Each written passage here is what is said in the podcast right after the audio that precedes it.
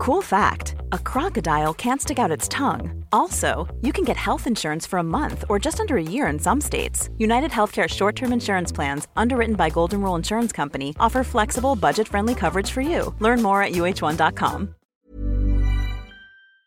Texas ble jeg etter to kilometer på løpinga, så begynte jeg å droppe veldig fort ned i hastigheten jeg løp. Men her så tok det meg hele 30 km før jeg begynte å føle på at jeg var sliten og litt lei. da.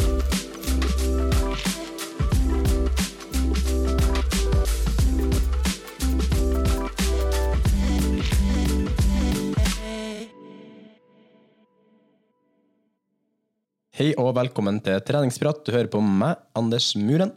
Også meg, Thomas Brun. Ja, velkommen til ny episode. Ja, velkommen alle sammen. Vi er jo som sagt, skal si det at vi har gjort forrige episode og denne episoden i hver vår by. Eh, mange tror faktisk at vi bor i samme by, men det gjør vi faktisk ikke. Du bor jo oppe i Trondheim. Ja, og jeg bor i Oslo. Så du sitter hjemme hos deg, og jeg sitter i, eh, på kontoret. Ja. Så det, men det er jo veldig fint å ha muligheten til å være hjemme og prate og podde sammen. da. Ja, og vi fant ut at det var veldig vanskelig å måtte alltid møtes for å gjøre disse podkastene, så da ble det litt enklere å gjøre de over videochat, sånn som vi gjør nå. Men uh, vi har jo vært sammen i helgen. Ja, det har vi. Stemmer det. Hvor var vi, Anders? Vi var i Almer. Nærmere sagt uh, Nederland, kanskje litt uh, bedre å si det. Altså en liten halvtime unna Amsterdam.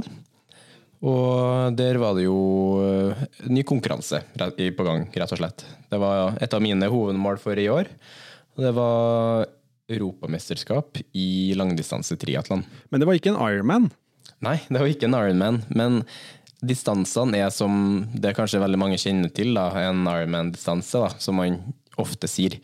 Det er jo 3,8 km svømming, 180 km sykling og et maraton til slutt. Så det var litt artig å prøve noe nytt, noe annet format på det.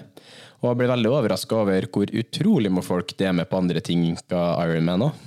Ja. Og det skal jo sies at det er ikke noe regel som sier at eh, distansene må være de distansene de er, er det det? De, distansene på en, et triatlon kan egentlig være hva som helst, men det er bare forskjellige kategorier som man forholder seg til vanligvis. da. Ja, det er vel egentlig det, men jeg tror de er litt sånn samstemt om distansene de skal ha for at det skal være litt sånn overførings... Uh, liksom, det kan sammenlignes, da. Det tidspunktene atletene løper inn på. Da. Ja, ikke sant. Det er litt enklere å sammenligne fra triatlon til triatlon og år til år. og konkurranse til konkurranse. Men jeg syns det er veldig fint at det er andre alternativer enn armands der ute eh, for folk, og det er jo litt, det er litt gøy å se hvordan forskjellige triatlon gjør det annerledes. Ja, det er jeg faktisk helt enig i, for det er eh, det er lett liksom å bare melde seg på det samme, samme formatet hver gang, på grunn av at man vet litt hva man går til og man vet litt uh, rammene rundt det. Jeg kjente jo litt på det at jeg var litt sånn usikker rundt um, litt sånn uh, regelboka og litt sånne ting. Men ting er veldig, veldig likt, da. Man merker jo det. Det er liksom det er samme type posene, det er det samme type strukturen rundt det. Uh, I hvert fall i triatlon. Det, det, er ikke så mye du kan gjøre annerledes egentlig når det kommer først til formatet. Da. Så alt er ganske likt. Men jeg syns det var en veldig fin opplevelse å være med uh, på challenge, da, som det heter, og prøve det formatet og få en liten smak av det òg. Ja, Fortell litt om eh, prosessen eh, og hvorfor du valgte det triatlonet, og hvordan det var. Litt spennende, for at det var egentlig ganske sendt ut i sesongen min. Jeg fant ut at jeg ville melde meg på det. Jeg fikk høre fra en, en, kompis at han skulle ned til Nederland og kjøre EM der. Og første tanken min da blir jo at Nederland er jo relativt flatt, for å si det sånn. Og tenkte at det har vært en fin oppladning, bare for å få enda mer rutine og erfaring med meg eh, inn mot eh, det som er hoved, hovedmålet i Israel. Og kjenne litt på enda mer trygghet rundt de lange distansene. Um, for det er jo veldig mye man skal tenke på, og det er jo veldig nytt for min del ennå. Det var bare seks måneder siden jeg gjorde den første distansen. I Texas, ja. Uh, I Texas, ja. Så um, jeg syns det var en kul greie, pluss at det var veldig fint for mor og far òg, å reise ned til Nederland. Uh, veldig lett gjort å ha med seg sine nære og kjære, da, rett og slett. Ja, det er ikke så langt å reise, da er det litt enklere å ta en helg, da, sånn som vi gjorde når vi reiste ned. Altså, jeg dro ned på fredag, uh, samme dag som foreldrene dine, og så dro alle hjem på søndag igjen, da. Det, det gjør det litt enklere også for andre å, å følge med. Og det er jo ikke så mange alternativer i Norge med tanke på langdistanse triatlon egentlig heller. Nei, det er jo ikke det. er jo egentlig I hvert fall sånn jeg husker på akkurat her og nå, da, som det har vært i år, så er det jo den langdistanse, den ekstremvarianten oppe i Lofoten. Eh, I The Arctic Triple så har du Norseman, så klart. Og det er jo egentlig de to, i hvert fall som jeg husker akkurat nå, som er de to eneste lang, langdistanseløpene i Norge nå. Og så har du jo Sandnes, da, som er halvdistanse. da, Ironman Sandnes, som har blitt en ny greie. Så man må jo reise litt for å, være, for å ha mulighet til å delta på, på disse langdistansetriatlonene. Men det er litt av moroa, da, syns jeg. Bortsett fra pakkingen. Eh, så er eh, mesteparten av de andre tingene synes jeg er veldig gøy. Ja, og det var litt gøy du sier det. Pakkinga var Vi hadde litt bagasjeproblemer sånn når vi landa i Nederland. Litt frustrerende, akkurat det. Og vi løste jo det på en ganske god måte til slutt. Ja. Vi, trenger, vi trenger ikke gå inn i dybden på det, men eh, bagasjeproblemer kan man jo skjønne i seg sjøl er veldig frustrerende. da. Men vi løste det, og fikk alt på plass i, i siste øyeblikk, egentlig. Og man kjenner jo det når ting er med deg, hvor roen, liksom, roen senker seg, og bare man får litt tankene inn på eh, det som faktisk skal gjøres, da, som er den konkurransen. Da. Så um, det var litt noen, noen, hektiske dager før der, for jeg og kjæresten min vi kom jo ned eh, Vi kom ned på onsdagen, og alt gikk ikke helt som planlagt av bagasjen, som sagt. Men eh, det ordna seg når du kom ned, og det, da ble det bra. ja. Og det, var, det, er et veldig deilig øyeblikk da, når, liksom man, når du faktisk eh, vet at det kommer til å gå i orden. Men uh, man går rundt da i to dager og er usikker da, om å finne alternativer og backup-planer og sånne ting. Mm, ja, det blir jo litt sånn Næringen min var jo med ned den, så det ble Um, ble litt sånn siste liten jeg tenkte at ok, nå må jeg bare satse på at jeg finner annen næring som kan hjelpe meg. Og jeg vet jo hvor hardt jeg hadde spikra inn den opprinnelige næringsplanen min, da, som skulle vise seg til slutt å være en uh, veldig viktig faktor for et bra løp. Um, så jeg tror nok, eh, hvis det ikke hadde vært for den næringsbiten og hadde den på plass, og den kofferten kom til slutt, og næringen kom til slutt, så tror jeg det hadde gått så bra som det gikk, da. Ja, fordi det var jo en ganske stor overraskelse som traff eh, alle som skulle delta på dagen. Og det er jo at altså Nederland er jo ikke kjent for å være et veldig varmt land. Det er jo ikke tropenetter og sånt som du tenker når du tenker Nederland. Det er vind, det er regn og det er liksom litt grått, sånn som England egentlig. Ja, det er veldig nordisk klima egentlig, da. ja. Det er det. Men uh, når vi kom ned, så var det jo 27-30 grader og ikke noe vind i det hele tatt. Mm. så det var en, eh, en, ganske stor overraskelse for mange, tror jeg. Man måtte være ganske låst på næringen sin der. Ja, jeg husker tidligere i uka når jeg hadde sjekka værmeldinga, så ble det litt sånn Oi, kødder du? Det er nærmere 30 grader. Um, og 30 grader i Nederland, eller generelt sett i, i nordisk klima, det føles ganske hardt. Da. Det treffes veldig hardt. Det er litt annet enn 30 grader i Spania, selv om det òg er ganske brutalt, egentlig. Um, så jeg, eh, man ble vel tatt litt av en sånn uh, Nesten litt sånn overraskelse der, egentlig, selv om man på en måte var forberedt på det. Uh, man, man, visste at det kom til å bli sånn, men uansett, du, det er jo når du først føler og kjenner på det, hvor brutalt det faktisk er. Da. Men det handler også om hva du, er, hva du har forberedt deg til. Ikke sant? Siden hvis vi gjorde triatlon i Mallorca eller vi gjorde triatlon i Lanzarote, så er vi forberedt på at det er varmt. Og da drar du ned et par dager på forhånd og på en måte blir vant til varmen. Og kjenner på hvor mye du må drikke og gjør litt endringer på drikkeplaning og næringsplanen din, og kanskje blande litt sterkere um, sportsdrikke enn det du er vant til. Men når det kommer som en overraskelse, så er det litt uh, vanskeligere å kunne uh, gjøre de forberedelsene som du må gjøre da, for å overleve.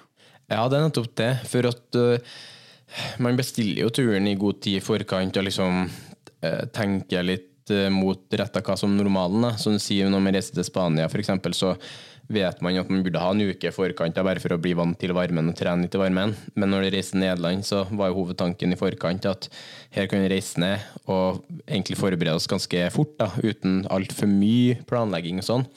Men eh, det ble jo litt snudd på hodet da, når varmegraderen var såpass. Eh, og så kan man jo drømme litt om at vinden skulle hjelpe til på et eller annet vis, men eh, det var jo litt sånn ja, hva skal jeg si, Det var veldig vindstille da, i en plass det ellers bruker å være veldig vindutsatt. da. Så man ble nok tatt på mange måter på overraskelsen der.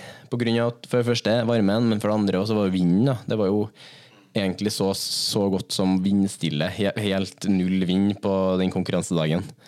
Og det er jo sånn en 10 kilometer løp, en, kanskje en 70,3 Ironman også, går det for så vidt greit eh, i varmen. Men her er det fulldistanse, og, og det er helt flatt på sykkelen, som betyr at du er nødt til å tråkke konstant. Du får ikke én pause, én nedoverbakke med litt vindkast i ansiktet. Ingenting. Du må bare tråkke, tråkke, tråkke. tråkke. Og løpingen er jo å løpe et fullt maraton i 27 grader, bare det i seg selv, er ganske, ganske heavy. Ja, det, ja, når du sier det sånn, så når du sier det sånn, så kan ikke jeg huske på at jeg har trent så mye på det her i Norge, akkurat. Så. Nei, det er det. Og det er sånn, vi, er, vi har jo ikke de fasilitetene, liksom. Da, da, må du liksom ta på deg masse klær når du skal ut og løpe, da, for eksempel. Bare for å bli svette ekstra. ja. Men det er jo litt det at det liksom når man igjen forbereder seg mot Nederland, så er ikke tankene at man skal legge inn i treningsforberedelsene. Men eh, ja, vi kan jo begynne å bevege oss litt inn mot løpet òg, når man har litt begynt å forberede seg på hvor varmt det var. For jeg merker jo det allerede når man våkna fra morgenen av at eh, det kom til å bli en varm dag. Eh, det var varmt allerede når man ikledde seg våtdrakta og kjente litt på det. Ja, og veldig varmt òg. De meldte 23,1 grader på morgenen på lørdagen. der. Og da er du 1,5 grad unna at ikke du får lov å svømme med våtdrakt. Så man er veldig i grenseland. Ja, så var det de, de proffe de svømte ikke med våtdrakt, gjorde de det? Nei, de måtte droppe det pga. at de har regler som er litt lavere enn eh, oss menneskelige, skulle jeg si. så der, eh, de måtte svømme med enten eh, bare den vanlige drakta si, eller så måtte de bruke en sånn såkalt uh, um, swimskin, da, som det heter, som det gjelder å ha på seg, som gir deg litt mer oppdrift. da. Og det var, eh, det var ikke en så tidlig start, det var sånn halv, halv sju, halv, halv, åtte var det dere begynte. Så det er en rullerende start hvor dere hoppet ut i vannet, og så begynte dere i vannet. Ja, så i EM-klassen, i EM, det er jo europeisk mesterskap fortsatt, da var det den, de som under 45 starta samla først, og så var det rullende mot dem som var over 45, og så var det damer, og så menn. Nei, damer, og så damer eldre igjen, da. Og så rullerte de litt sånn, så det var sånn, det var et litt nytt system for min del, da. For Ironman har jo vært som regel sånn at du er fem og fem kastes uti, eller kan løpe uti for å svømme. Men her var det Det ble nesten en fellesstart, egentlig. I hvert fall i forhold til mine konkurrenter. da. Så det var mye knuffing og mye, nesten litt bryting om plassene ute i vannet i starten. Men det former seg alltid en linje da, litt etter hvert, hvor man begynner å forstå sin plass i feltet. og uh, man, man, vet hvor man skal holde seg, da, for å si det sånn. Og ja, jeg var, jeg var egentlig veldig heldig på svømminga, for jeg fikk et par veldig, veldig fine føtter å svømme på. Og det er en veldig stor fordel, da, for man får det litt billigere på svømminga da, i forhold til at man eh, den drakrafta fra armene sine den er litt lettere å få med seg pga. de sparkene fra han som er foran deg. Så jeg lå på de føttene der ganske komfortabelt veldig lenge, egentlig. Og det var to stykk med meg som prøvde litt å snike seg til den plassen underveis i løpet, men jeg eh, forholdt meg til at jeg skulle ha de føttene og hang meg på dem rimelig lenge. Um, og var veldig komfortabelt og hadde egentlig aldri noe problem under svømminga uh, som jeg kan huske på sjøl, egentlig. Og så begynte jeg å tenke når må jeg tørre å pushe på litt mer? For jeg vet jo at jeg føler meg så bra, jeg kan kanskje pushe på litt til, men jeg vet med en gang at jeg begynner å svømme alene, så begynner jeg jo å få man bruker mye mer energi på det. da. Så det kan jo at jeg prøver å makse ut litt og gå litt hardere ut, men bruker altfor mye krefter på det, som kan være litt uheldig igjen mot syklinga. da. Så for min del da ble det en litt sånn taktisk kamp hvor jeg bare lå 3000 meter og eh, egentlig kosa meg på veldig bra tempo. Eh, helt til jeg ble, eh, ble litt sånn utålmodig. Og så merker jeg at det gikk litt sakte, for jeg sjekka faktisk klokka mens jeg svømte. Da, da, koser man seg i vannet når man tar seg tida til det. og så sjekka jeg klokka, og så så jeg at den ene splitten min begynte å, begynte å bli litt tregere. Da forsto jeg jo at det kom til det kom ikke til å gå noe raskere på de føttene jeg hang på da. Så da tok jeg egentlig bare og føyk forbi, og så svømte jeg siste 800 meterne så raskt som jeg noensinne har svømt ute i åpent vann. Da. Så jeg hadde en veldig god overskuddsbase med meg på de siste 800 meterne, og bare ville peise på. For jeg hadde et lite mål om å nærme meg 60 minutter på svømminga, men eh, endte opp på 64 minutter ca. Men jeg er veldig fornøyd med det. To minutter rekord fra Texas, det òg. Men samtidig så var det jo den komforten under svømminga som var liksom det mest dominerende. At jeg bare hadde det så sykt bra. Så Nei, veldig sånn svømmemessig. Det, det ga veldig mye sjøltillit, det, når man kjente at man ikke brukte så mye krefter på dem, den timen der, da. Ja, det tror jeg på. Og da lærer du også mye, da, med tanke på at du skal uh, reise til Israel og gjøre en Ironman der også. I, når er det igjen? Oktober? 3. november er det. 3. november. Og, ja, og da lærer du også liksom Man får sånne småting sånn i konkurranser underveis som du tar med deg videre, da. Mm, ja, det, er nettopp det. Så allerede nå har jeg jo en liten sånn Jeg vet hvordan jeg skal forholde meg på svømminga.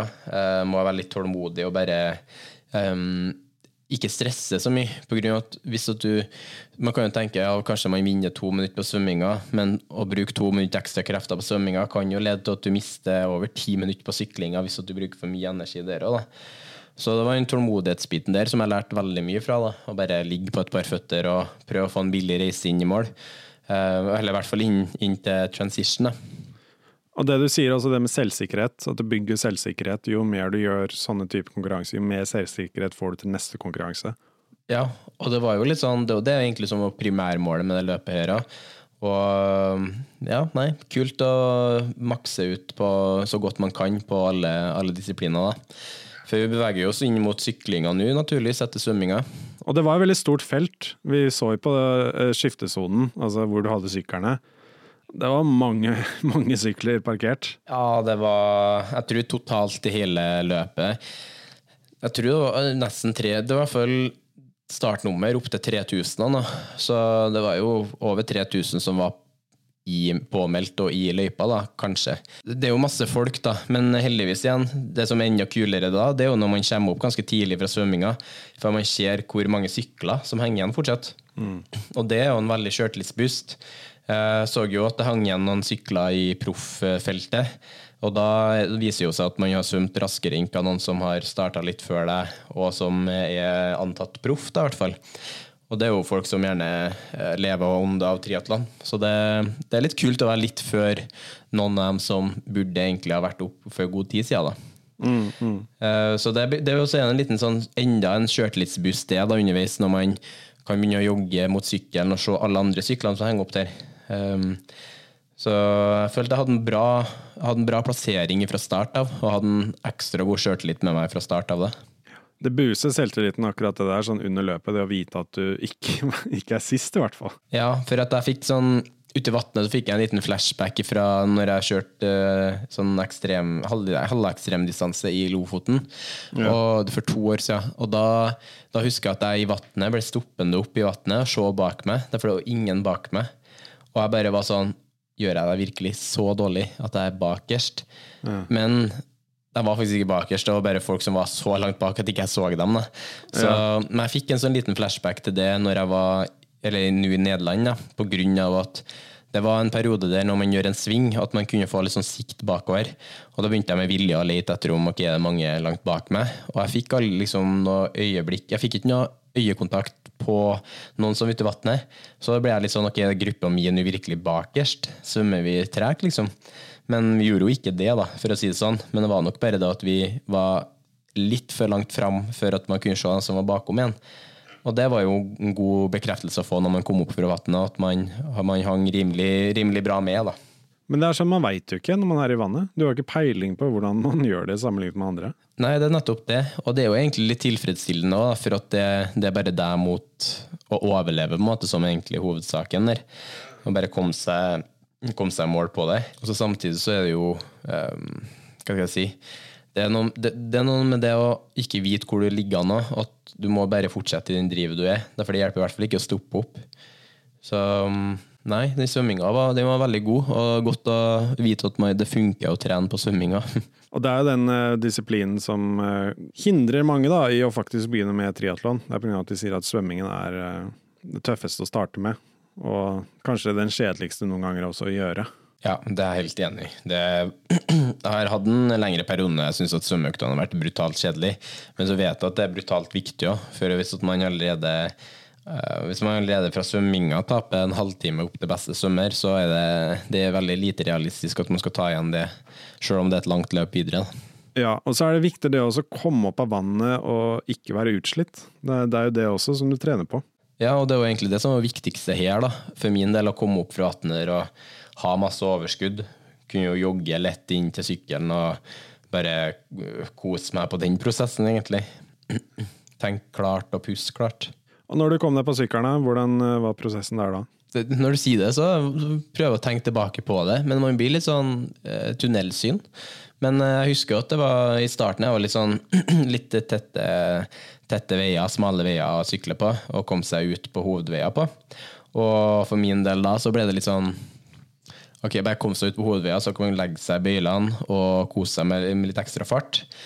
Fart på spinning. Det var litt det man bare holdt på å hige etter, da. Um, det var Hva skal jeg si? Det, det, er litt sånn, noen ganger kan det være litt sånn kvelende å bare ligge på sånn smale veier og vente at du skal komme deg fram til hovedveier. Av at det kan skje litt ting på de smale veiene. Det var litt dårlige veier på de smale veiene, og litt humper i bakken. og eh, Litt brostein, faktisk. Så det var sånn, man må bare holde konsentrasjonen oppe. Hvis det er noen som passerer, så må de egentlig bare få lov å passere. For at jeg tenkte at det kjennes mest rolig til å rulle forbi dem igjen senere. Uh, og gjorde jo det faktisk. Men uh, syklinga var over, man, man, tenker i starten av at det er flatt, og at det kommer til å bli det går fort. Og det gjør det, men det fortsatt, man er fortsatt ute i fire-fem timer, og det tar tid, da. Og det er som du nevnte i starten og innledningsvis, at det er flatt, og du må alltid bruke krefter. For du, du får alle de oppoverbakkene hvor du kan bryte opp stillinga litt, eller de nedoverbakkene hvor du kan hvile beina litt og bare riste litt løs.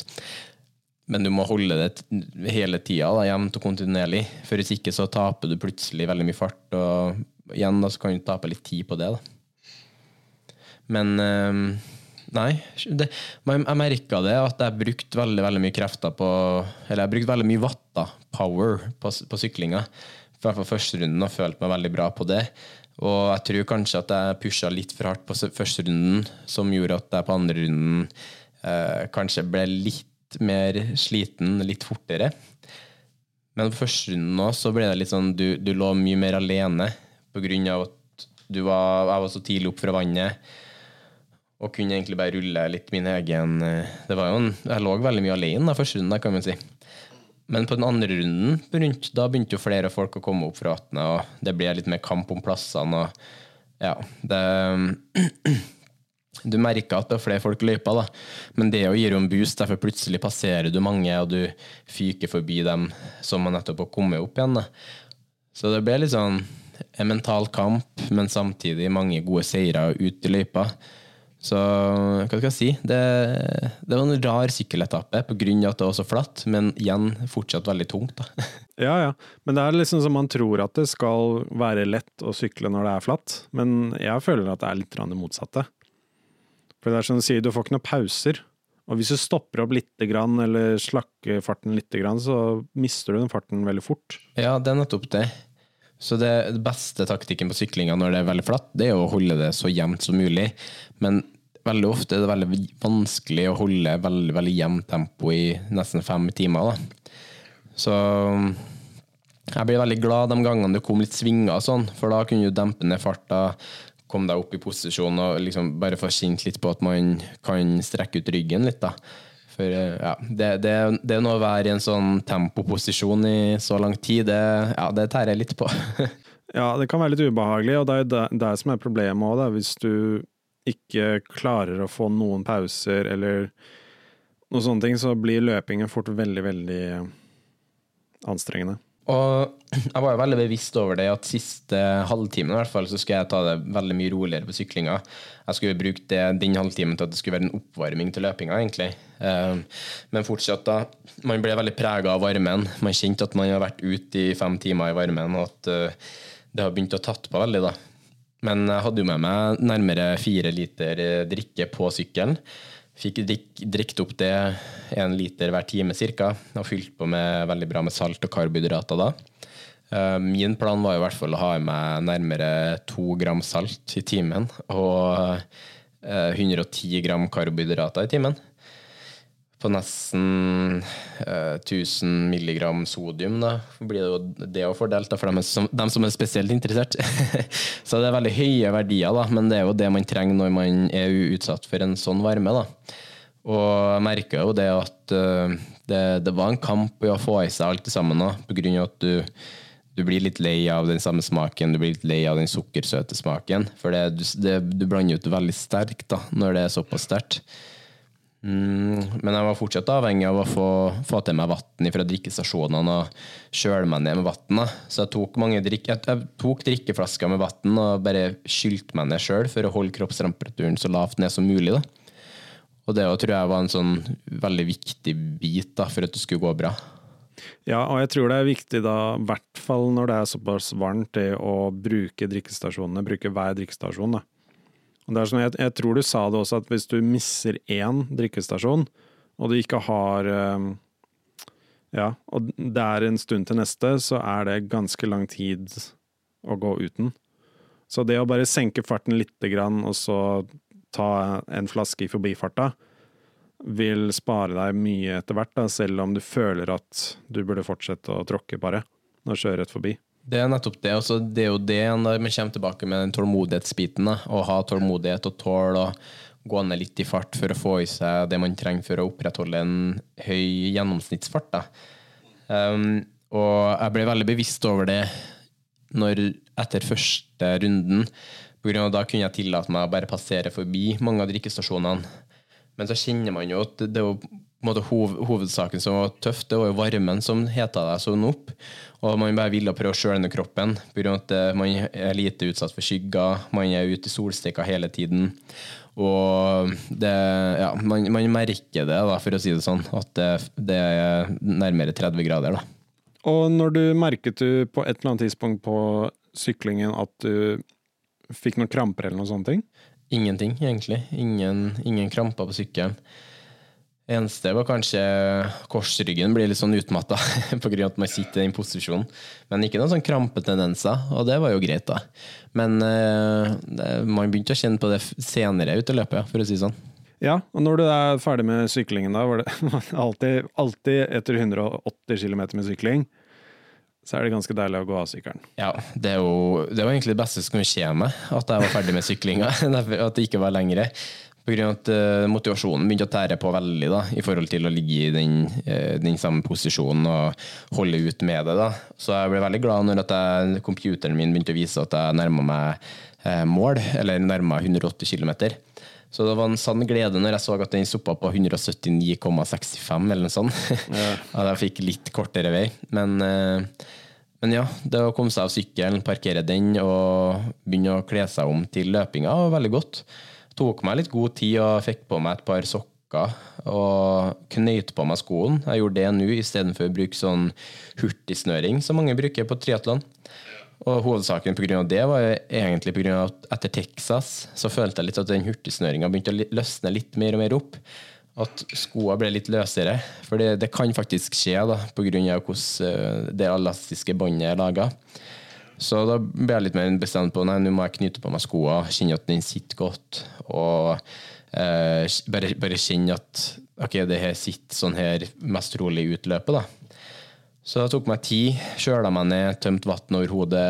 Eh, tok meg en gel og bare begynte å reflektere. Ok, nå skal jeg ut og springe en solid dose tid. da. Så ja, og da begynte jo det. Men man kjente egentlig veldig tidlig at jeg hadde en god kropp da, på løpinga for å si det sånn. Men jeg kjente òg at det var mye ting som verka. Det var litt sånn, Leggene var litt slitne allerede, og lårene var litt slitne. Men eh, egentlig etter første fem kilometer, og når jeg møtte på dere, så begynte det å bli bra. da. For da så jeg jo både Hanna og deg og mamma og pappa ute i løypa, og det ga ekstremt med motivasjon. Mm, det gjør det, altså. Ja, det, det blir helt sånn Hva skal jeg si? Man blir, man blir litt gjenopplivd igjen og får så mye energi, da. Og så begynner man å tenke ok, det er bare én runde den neste gang. Så det var en sånn mental seier for hver runde man løpte rundt, for det var fire runder rundt, å løpe.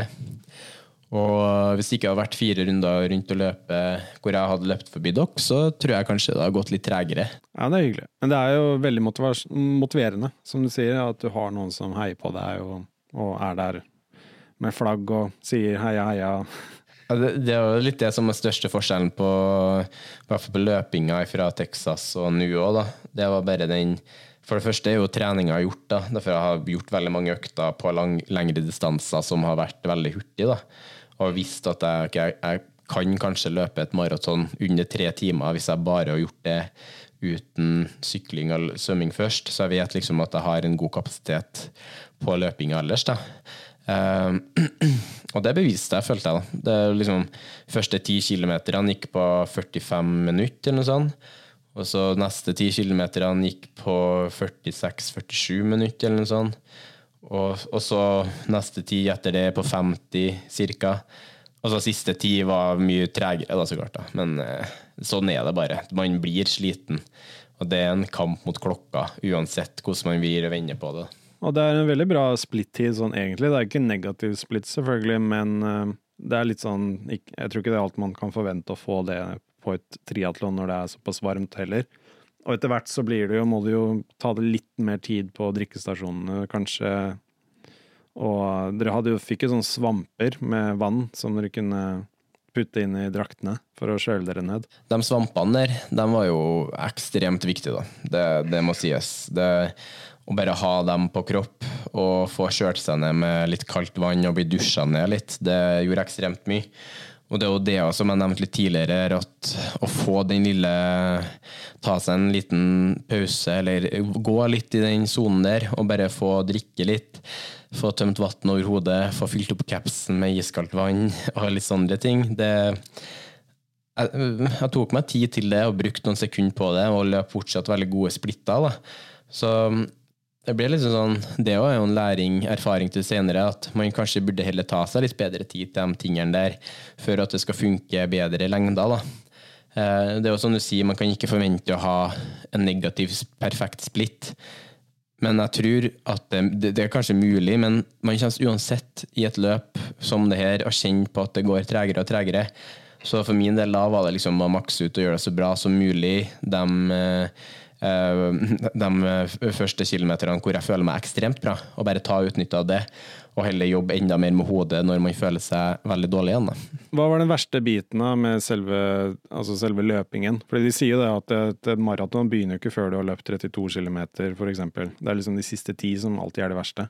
Personlig så syns jeg det verste var egentlig å kjenne på kjenne på konstante varmen, for at det var så lite skyggeområder. Du, sola steika på hele tida, og du hadde Det var få områder hvor du hadde skygge, og de områdene man hadde skygge, var bare så ekstremt gode. da. Um, men det er jo så klart etter Jeg ser jo på løp, har sett på løp, løpinga mi i etterkant og ser etter uh, etter 29 eller 30 km, så begynner det å dale ned mot sånn 5.30-10 og sånn på kilometeren. Og det er jo fortsatt bra, det, egentlig. Men uh, det var nærmere 45 sekunder tregring på det jeg bruker å holde, da, eller som jeg har holdt tidligere. Så på den biten der, så da begynner man å kjenne litt på hva nå kroppen merker det faktisk. da. Så det blir en sånn evig kamp om å bare prøve å få fram brystkassa, få fram hofta, ikke falle ned med hodet. Eh, være litt bestemt på at man må bare holde seg gjennom det. For med en gang man begynner å gå, så begynner jo minuttene å dale bort veldig fort. da.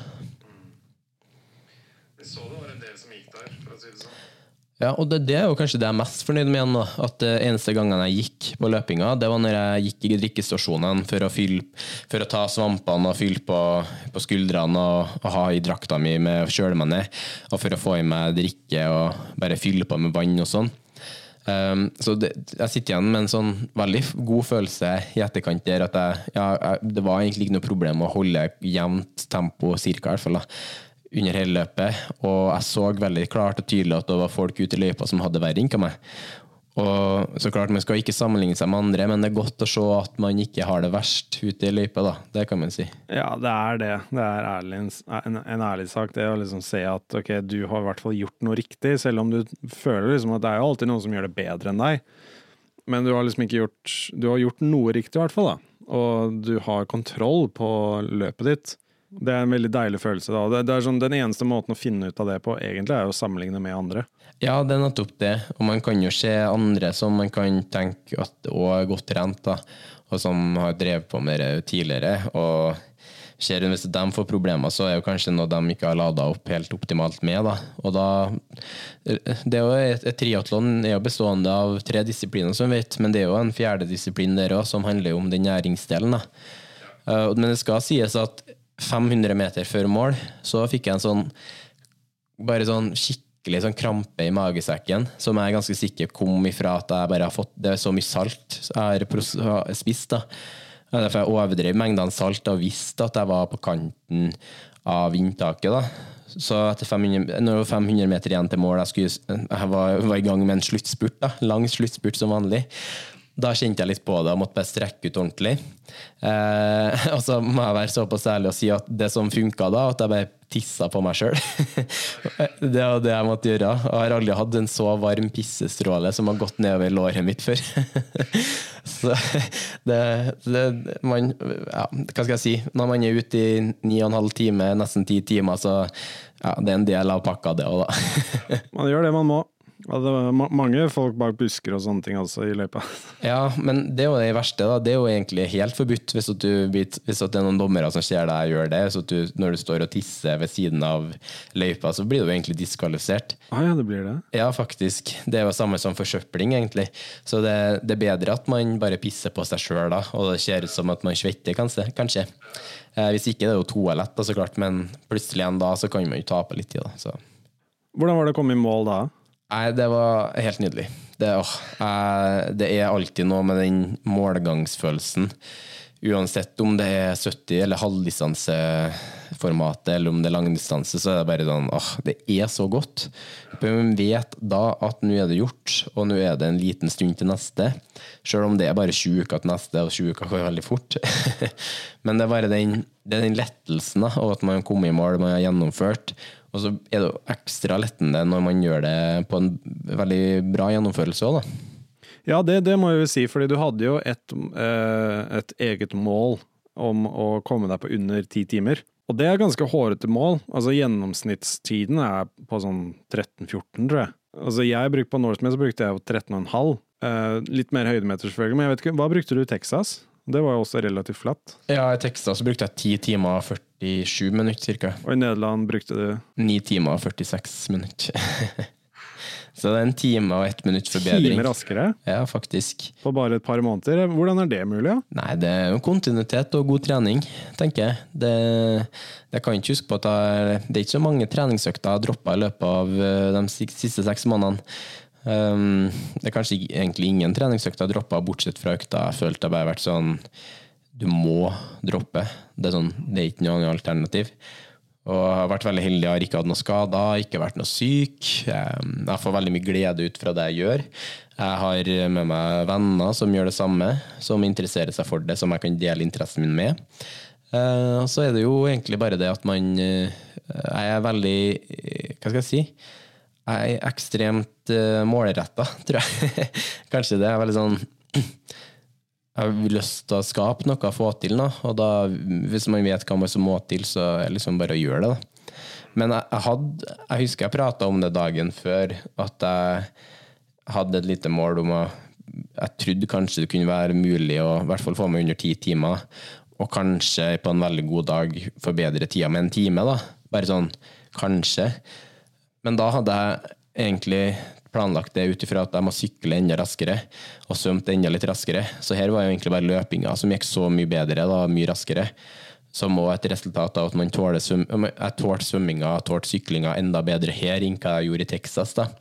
For i Texas ble jeg, etter to kilometer på løpinga, så begynte jeg å droppe veldig fort ned i hastigheten jeg løp. da. Men her så tok det meg hele 30 km før jeg begynte å føle på at jeg var sliten og litt lei. da. Så jeg tror, jeg tror, det er en sånn kombinasjon av eh, fysisk velvære, man gjør godt trent, og mental velvære rundt at jeg hadde med både deg, mamma, pappa og Hanna da, i løypa. At det, det å boosta veldig mye. da. Ja, det, det, er ikke noe det, er mitt beste råd til alle som skal gjøre et maraton, halvmaraton eller noe sånt, der du vet at du skal rundt to eller tre runder, f.eks. Ha med folk du er glad i, som er i løypa. Av at det gir en veldig god moralsk pust.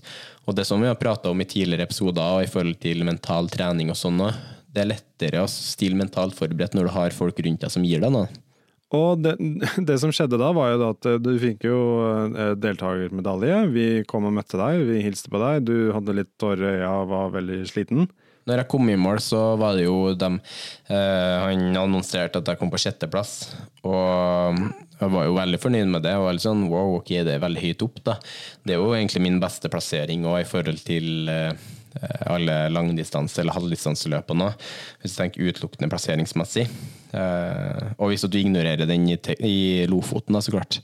Um, men internasjonalt da, så er det det beste. Så jeg var jo veldig fornøyd med det. og Uh, Klappa meg sjøl på skuldra og tenkte vet du hva, jeg må være fornøyd med det. Jeg er fortsatt veldig ny inn i gamet. Det er mitt andre liksom, fulldistanseløp.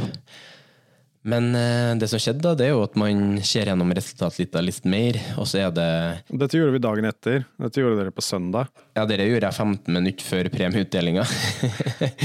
og finner ut at de For jeg syns det var noe som skurra. Pappa forklarte litt at han så aldri noen som kom i mål før meg, som var i den gruppa mi. da. Og da ble jeg litt sånn Ok, men da var bare de folkene som var foran meg, så gode, da.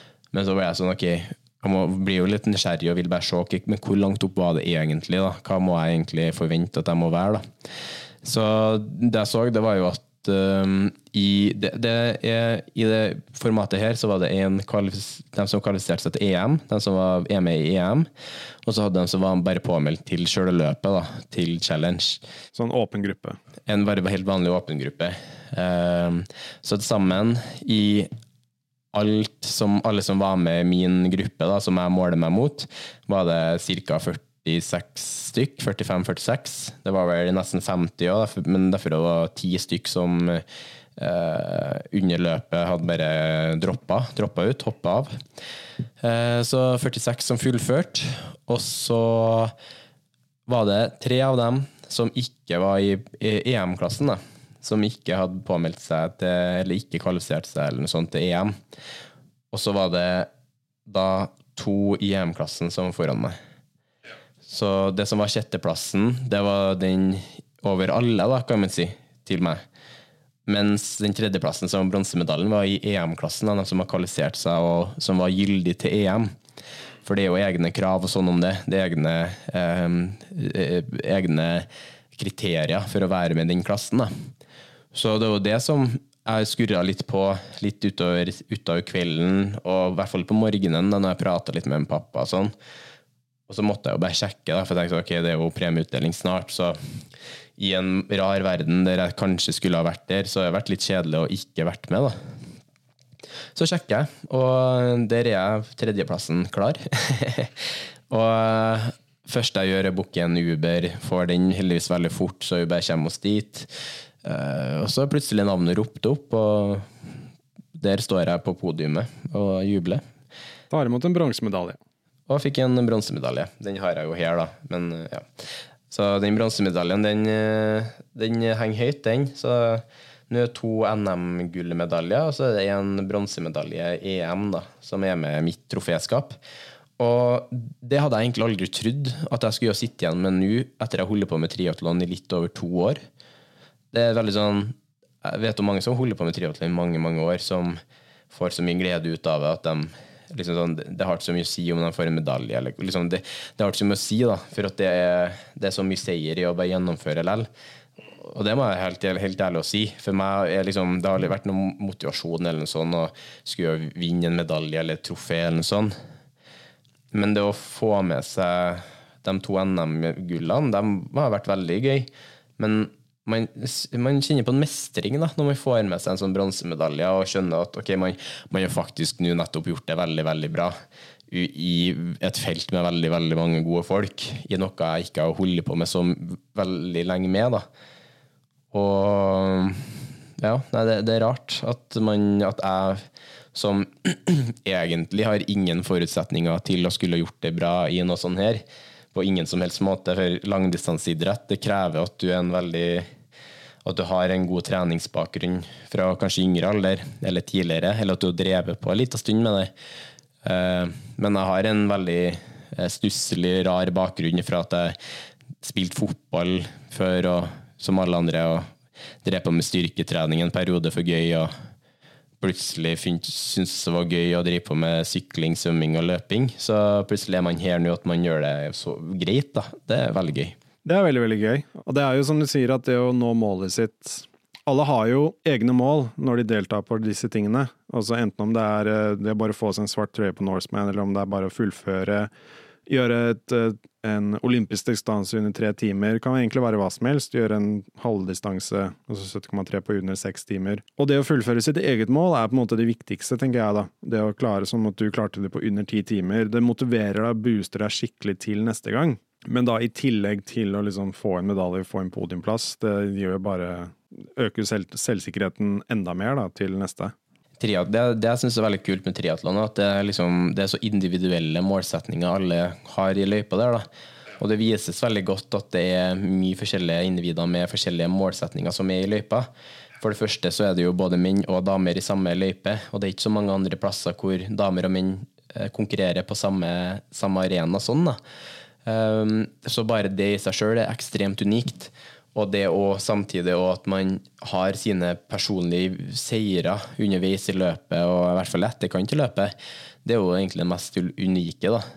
Så um, man kan jo si at den bronsemedaljen her, den er, en, er, eh, er veldig gøy. Men det har aldri vært det som er hovedmotivasjonen på noen som helst måte. Det er ikke hadde ikke, hvis jeg ikke hadde fått den bronsemedaljen, så hadde ikke jeg gått hjem nå og vært lei meg og sint og eh, kasta i veggen det jeg kunne. Sånn, hadde ikke vært lei meg på noen måte. da. Det hadde vært fortsatt en ekstrem stolthet over at herregud, jeg knuste tida mi med en time bedre. Jeg bare, min, rekorden min der ble så mye bedre at det egentlig ikke jeg, jeg, kan forstå at hvis noen ikke helt skjønner at det er mulig, for at det er veldig en time bedre. Det er veldig heftig mye bedre. Da.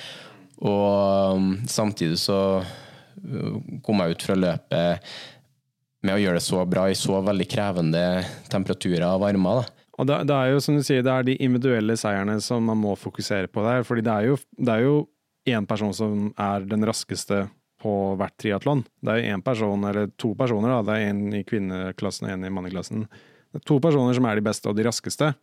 Alle de andre må tenke på sitt individuelt mål. Og for de fleste av oss så er det det å fullføre som er målet. Det å overleve dagen og komme seg i mål eh, og faktisk ha gjort det.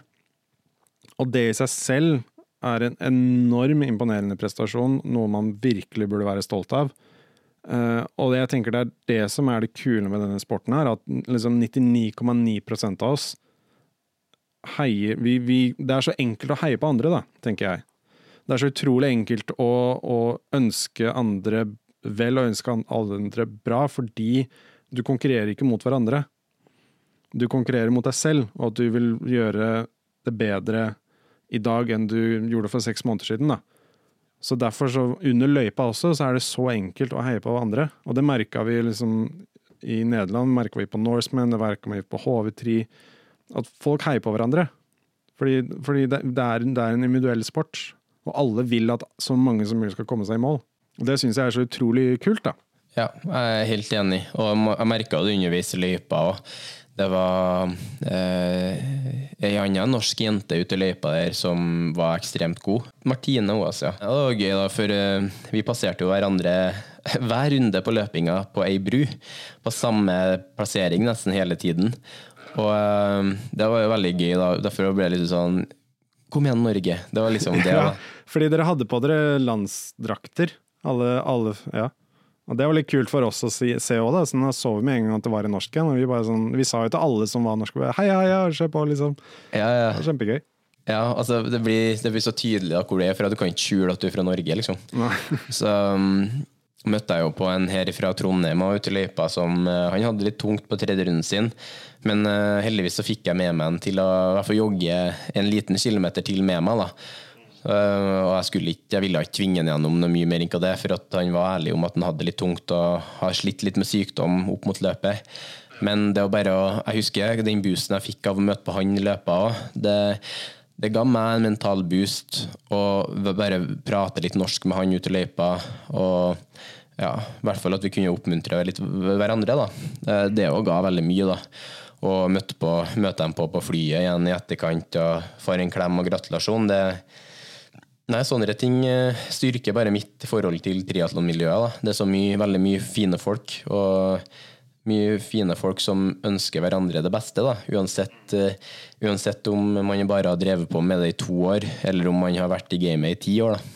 Og det jeg liker, da, også at med en gang som du sier at uh, du møter noen som har gjort det samme triatlonet som deg, så er du på en måte med en gang venner.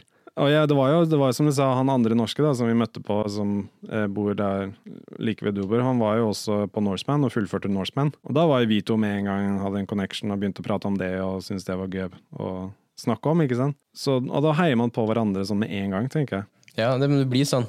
Det er, liksom, det er litt rart å si, men sammenligne fra min verden i fotballen. Da. Når, man, når jeg møter på noen andre med Manchester United-drakt, så blir jeg ja. med en gang sånn familie, på en måte. Men det er det samme hvis jeg ser, hvis jeg ser noen med en uh, svart Norseman-T-skjorte, eller en fra en svart eller hvit Norseman-T-skjorte fra 2023, så går jeg bort til dem, og da har jeg lyst til å prate om Norseman. Det er bare sånn, du er i samme klan med en gang. Du er i samme gruppe. Altså, det kuleste med den oppsummeringa her, det syns jeg jo egentlig uh, Det vi formidler fra triatlon og det miljøet her, føler jeg liksom vi er veldig flinke på å formidle i podkasten her òg. Veldig sånn folkelig, trivelig podkast hvor vi ja, vi, vi, er på en måte folkets utøvere. Vi, uh, ingen av oss har intensjoner om å bli verdens beste. Men vi har vår intensjon om å gjøre vårt eget beste da, og levere på vår eget beste, egne beste plan. Da. Og det tror jeg veldig mange kan kjenne seg igjen i. Det kan jeg i hvert fall se i eh, både kommentarfeltet vårt på Instagram, men òg i meldingsboksene våre. Da. Men jeg skal ærlig innrømme at jeg trodde før jeg begynte med triatlon, at triatlon var for sånne eks-Navy Seals-folk og eks-militærfolk og profesjonelle folk som Litt sånn David Goggins-folk, da. Jeg trodde at det var det triatlon-typen var. Men med en gang jeg begynte med, det, så skjønte jeg at jeg tok grundig feil. Bare sånn, Dette er noe for absolutt alle, og alle er velkommen. og Fordi mye av det, fordi, fordi alle har liksom sine individuelle mål. Uansett hva det er for noe. Og vi så jo det på, på, på Oslo Tri og på Norseman, så var det jo også blinde som deltok. Det er dritkult å se på at dette er for alle. Og igjen, da, det er alle i samme løype, da. Du, som meg, da, som er snart ferdig utdanna ergoterapeut òg uh, snart, jeg, jeg, merker jo det at likestilling er veldig mange Det er veldig mange idretter det ikke får det, det, Du har det i det hele tatt egentlig, da. Men i triatlon så føler jeg at du, du, har det på veldig mange måter, at man begynner å komme veldig langt der. da. Du har både samme premiepenger til både menn og damer. Du har òg egne klasser og egne muligheter for personer med eh, andre typer utfordringer som kan være med. Og det er ekstremt kult å se hva som er mulig med litt tilpasninger og tilrettelegging. Da. Og det er jo alltid en arrangør sin, sitt ansvar å gjøre det, og det syns jeg de, både i Ironman og Challenge nå, som jeg fikk med meg, at det var mye gode tilrettelegginger der for å i hvert fall prøve å tilpasse det best mulig. da. Nei, jeg syns det er kjempegøy. Og det er, eh, var veldig inspirerende for meg også å se deg uh, stå på og slite i helgen. Uh, jeg var ikke Jeg sa til foreldrene dine et par ganger, jeg sa til kjæresten din et par ganger jeg, jeg, var veldig glad for at jeg ikke løp den dagen. Men sånn i etterkant nå, så er jeg sånn ok, nå merker jeg selv at jeg burde starte opp igjen og komme meg i gang. Og det skal jo sies det samme for en måned siden da jeg var i Eidfjord og kom en gang der jeg kjente på det samme. Jeg er veldig glad for at jeg ikke skal ut i, ut i det vannet sånn det er nå, men man kjenner underveis at man får en sånn FOMO, tror jeg det heter. Man, ja, ja, du gjør Det altså. Det har vært kult å vært med sjøl, men uh, det, det, er en tid for oss alle. Vi har jo kule målsetninger for neste år òg. Så kan jo at du kanskje fremskynder og tar noen nye planer litt tidligere på året igjen i 2024, da, hvem vet? Vi får se hva som skjer. Vi kommer nok til å lage en egen episode på det, tenker jeg. Liksom våre mål og progresjon og sånt litt off-season, da, når den kommer. Ja, det syns jeg vi gjør. Mm. Prate litt om uh, forskjellige tall og sånn vi får til under treninga. Ja, og litt langsiktige mål, da. Ja, helt enig. Og samtidig se litt mer på, som for din del, som skal bli enda hurtigere nå. Da er det jo litt artig å vise litt at oi, du har blitt så mye raskere på tre kilometer, f.eks. Eller ja, litt slike ting òg, da. For vi, vi, er jo så klart vi driver, begge driver på med langdistanse triatlon og triatlon generelt, men eh, vi er veldig opptatt av helse og spesifikke målsetninger innenfor trening ellers òg, da. Nei, det blir bare gøy fremover, og dette var jo en boost, tenker jeg, og en inspirasjon for å kjøre på videre. Og se hva enda mer er det man er i stand til å gjøre. Så man overrasker seg selv noen ganger òg. Ja, jeg må si jeg sjøl overraska meg sjøl i helga. Jeg ble veldig overraska. Jeg ble veldig rørt over at det går an å uh, få en så god respons fra mye tid og mye tid man bruker i trening. Da. Men uh, det viser at trening funker, og tålmodighet funker. Og så funker det å ha gode folk rundt seg. Det, det, det var liksom min hovedbeskjed fra helga her, i hvert fall. Har du de tingene, så får du det. Gjør det, det gjør det enklere. Og Det er jo egentlig en liten oppsummering også fra sesongen så langt. da kan man si. Vi har jo prata litt om sånne ting fram til nå i sesongen her. Og jeg føler både eh, Så klart, i Norseman så var det veldig relevant at vi hadde en supportgruppe som fungerte bra, men jeg følte at det like mye fungerte så bra nå i Nederland, hvor vi ikke har spesifikk support, men hvor det å bare ha folk rundt seg gir veldig mye bra, da. Så ja, nei. Skal du det er jo nå Oslo Maraton til helga, så hvis du skal kjøre maraton eller halvmaraton eller ti kilometer, da, sørg for å ha med noen du er glad i, som kanskje står i løypa, og som kan være der og gi en liten oppmuntring. Og, og så Bare sørg for at du ser dem og gir dem et bra smil. Og vet du hva det kuleste du kan gjøre? Det virkelig kuleste du kan gjøre, er at hvis du kjenner noen som skal løpe, ikke si til dem, ikke si noe som helst, men bare dra ned og prøve å spotte med løypa og rope ut navnet deres og si og heie på dem. Det er så gøy. Det skjedde med meg da jeg gjorde Oslo Triatlon eh, for første gang. Så var det en venn av meg som jeg ante ikke at hun kom opp for å heie på. Og så plutselig så står hun der og bare roper ut og heier. Det er så gøy. Det betyr så mye for deg når du er ute og løper. Du aner ikke hvor mye det betyr. Mm, ja, sant. Smart. Så bare overrask dem. Ja, utfordring til helga. Hvis, liksom, hvis det er Oslo Maraton eller andre løp, da, så overrask folk. Ja, men Fin oppsummering på den helga som var, og det som kommer foran oss. Mye spennende gjester som kommer på tapetet framover nå. Oh, jeg Så jeg gleder meg litt til å bryte opp det litt òg. At vi får inn noen ekstremt kunnskapsrike gjester. Vi er jo begge kunnskapsrike, vi òg. Men eh, som man vet, vi kan ikke alt. Og det er godt å ha inn folk som kan veldig mye. Som vi òg kan lære enda mer av. Men nå, takk for at dere hørte på oss. Dere ha en fin uke videre. Og takk igjen. Treningsprat over og ut. Ha det bra.